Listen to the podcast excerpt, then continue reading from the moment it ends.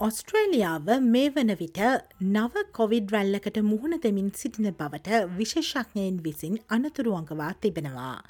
කලක පටන් මේ පිළිබඳව අනාවැකි පලවුනත් දරුණු ලෙස කොවිඩ් වැළඳුණු රෝගීන් පිළිබඳව වාර්තා ඉහළයාමට පටන් ගැනුනේ පසුගේ අගෝස්තුමාසේදී වික්ටෝරයා ප්‍රාන්තය ආශ්‍රිතවයි. නමුත් ඕස්ට්‍රලියාව පුරාම මේ සම්බන්ධයෙන් ස්ථාවර රටාවක් මතුවීමට ඉන් මාස කිහිපයක් ගතවී තිබෙනවා. මෙම කොවිඩ් නවරැල්ල පිළිබඳ සාක්ෂි ලෙස කොවිD දහනමය ඇති කරන වෛරසය වන සාස් වෛරස් අංශු මේ වන විට ඔස්ට්‍රලියාවේ අප ජලයේ නිරීක්ෂණය කළ හැකිවීමත් කොවිඩ් වැළඳීමෙන් රෝහල් ගතවීම් සහ ප්‍රතිවෛරස සඳහා බෙහෙත් වට්ටෝරු ඉහළයාමත් දැක්විය හැකි. ඔස්ට්‍රේලියාවේ මෙම නව කොවිඩ් රැල්ලේ උපරිම මට්ටමේ විශාලත්වය සහ එය සිදුවන කාලය පුරෝකතනය කිරීම වඩාත් අපහසු වී තිබෙනවා. කොවිD දහනමය පරීක්ෂණ සඳහා ජනතාවගේ ප්‍රවේශය අඩුවීමත් පරීක්ෂණ ප්‍රතිඵල වාර්තා කිරීමට ඇති අවශ්‍යතාව හෝ අවස්ථාව අඩුවීමත් මෙම කොවිඩ් රල්ලේ මන්දගාමී වර්ධනවේගයට සහ එය වඩා දිගු කාලයක් පුරා පැවතීමට හේතුවී තිබෙනවා. කෙසේ වෙතත් කොවිඩ් රැල්ලේ මන්දගාමී වර්තනවේගය සහ දෙදහස් විසිතුන වසර වන විට ප්‍රජාව තුළ දෙමුහුන් ප්‍රතිශක්තිය එනම් එන්නත් සහ ආසාධන යන දෙකෙන්ම ඇතිවන ප්‍රතිශක්තිය තවදුරටත් වැඩිවීම හේතුවෙන් මෙම නව කොවිඩ් රැල්ල මෙතෙක් ඇති වූ කුඩාම ඔමික්‍රෝන් රැල්ල වනු ඇතැයි අපේක්ෂා කරනවා.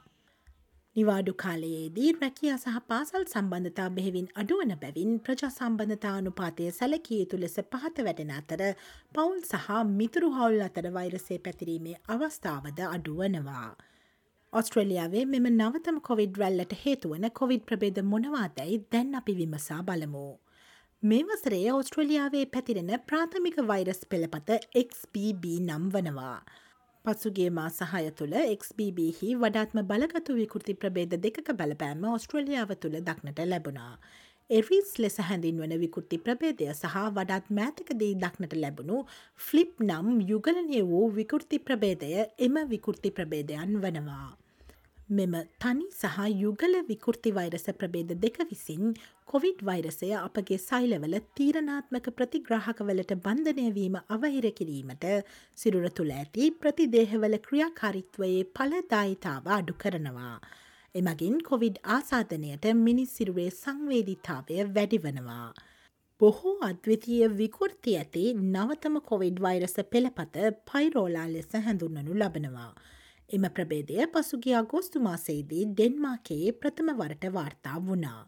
ඔස්ට්‍රලියාවේ මෙම නවතම කොවිඩ් රැල්ලට පයිරෝලා විකෘති ප්‍රබේදය මෙතෙක් බලපා නැහැ. නමුත් එය ඔස්ට්‍රලියාව තුළ අකණ්ඩව වර්තනය වෙමින් පවතින අතර දෙදහස් විසි හතර වසරේදී ඔස්ට්‍රලියාව තුළ ව්‍යක්ත වනු ඇතැයි අපේක්ෂා කරනවා. මෙම නවකොවිඩ් රැල්ලෙන් වඩාත්ම අවධානමට ලක්ව ඇත්තේ කවුරුන්ද යන්න පිළිබඳව දැන් අප විමසා බලමු. කොවිඩ් වසංගතය ආරම්භයේ සිට මේ දක්වා සැලකූ විට කොවිඩ්ඩාශෘත මරණ සහ දරුණු ලෙස කොවිඩ් නිසා රෝගීවීමේ අනුපාත විශාල ලෙස පහත වැටී තිබෙනවා.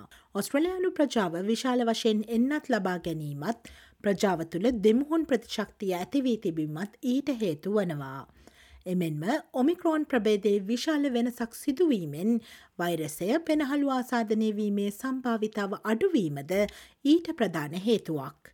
කෙසේ නමුත් දෙදහස් විසිතුනේ ජනවාරි සිට ජූලි දක්වා කාලය තුළ ඔස්ට්‍රලියාවේ ලියා පදිංචි කොවිඩ් දහනමය මරණ තුන්දාහක් පමණක් සිදුව ඇති බව තාවකාලික සංඛ්‍යාලේකන දත්ත මගින් පෙන්වා දෙනවා.